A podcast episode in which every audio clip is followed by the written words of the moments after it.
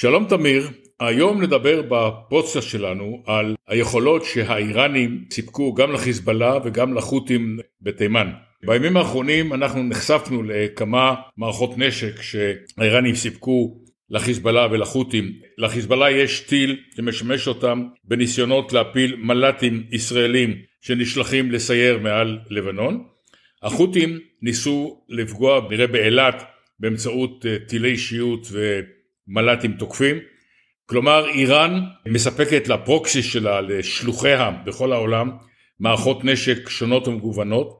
הייתה תקופה שזלזלו קצת בתעשיית הנשק האיראנית, אבל הם בשנים האחרונות השקיעו הרבה בתעשייה הזאת. עובדה שהם מספקים אלפי מל"טים תוקפים לרוסיה במלחמה באוקראינה, וכרגע אנחנו נתקלים במערכות האלה גם בלבנון וגם בחזית של החות'ים בתימן. זלזול זה הדבר האחרון שאנחנו יכולים אה, להעניק לאיראנים. התעשייה שלהם היא מאוד מפותחת, הטכנולוגיה מצוינת. נכון שהמערכות שהם אה, מפתחים ומייצרים הן פשוטות, כי הן מיועדות בעיקר, ל, כפי שקראת, לפרוקסי שלהם, לגרורות שלהם, ששם uh, הלוחמים הם בעלי כישורים יחסית נמוכים, והם צריכים לתפעל את המערכות נשק האלה ללא סיוע צמוד uh, של מומחים, אלא של מדריכים מהשורה השנייה והשלישית, ולכן מערכות נשק פשוטות להפעלה ופשוטות להחזקה, הן המערכות המתאימות למתווה הזה.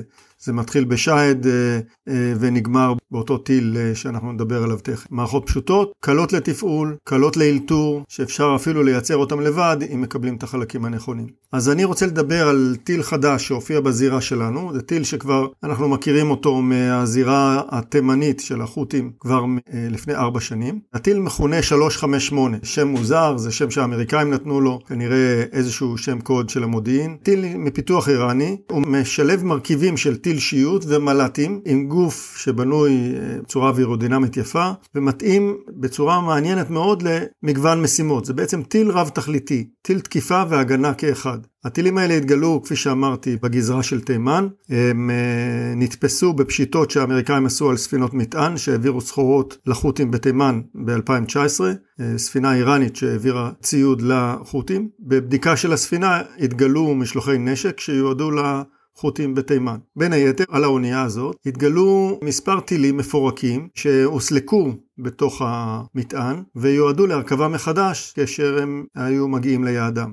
אה, ב-2021 התגלו טילים כאלה בעיראק אחרי שנורו לעבר בסיס אווירי אמריקאי במזרח המדינה. אז אה, מדובר בטיל ארוך טווח, לא כמו הטילים הבליסטיים האיראניים, אבל שם מדובר בטווח של כ-100 קילומטר, עם אה, ראש קרבי קטן של סביבות 10 קילו, והטיל הזה יודע לעבור את המרחק הזה של 100 קילומטר, אבל הוא גם יודע לנסוק לגובה רב. כלומר, אפשר לראות אותו למטרה הרבה מעבר לאופק, או לשגר אותו לגובה כדי לפגוע בכלי טיס שטס בגובה של אה, למשל 20 או 25 אלף רגל, גובה שטיל כתף רגיל לא יכול להגיע. אז הטיל הזה מונע במנוע סילוני זעיר, שמאפשר לו לטוס מרחק רב במהירות גבוהה יחסית. הנעה כזאת מאפשרת לו את הנסיקה שדיברנו עליה, או את השיוט לאורך טווח.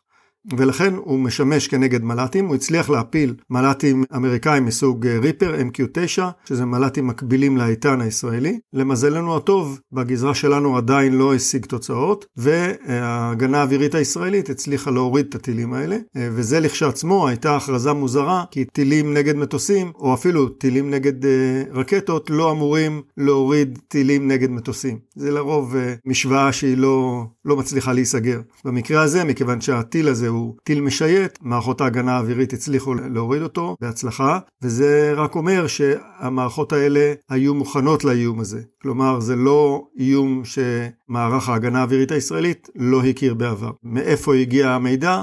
אנחנו לא יודעים, אבל מכיוון שהוא היה בידי האמריקאים, אני מניח שכתוצאה מהיחסים ההדוקים בין ישראל וארצות הברית, קיבלנו את המידע שהיינו צריכים. אז אה, זה לגבי הטיל ה-358. טיל מאוד מעניין, איום רציני מאוד על כלי טיס לא מאוישים ועל מסוקים, טוב מאוד להכיר אותו ולדעת אה, להתגבר עליו. עד כאן לגבי הטיל האיראני החדש שאנחנו פוגשים מעל לבנון ומעל אה, שמי ישראל, נקווה שנפגוש אותו בעיקר ברסיסים וטילים מפורקים על הקרקע. תודה אריה ולהתראות.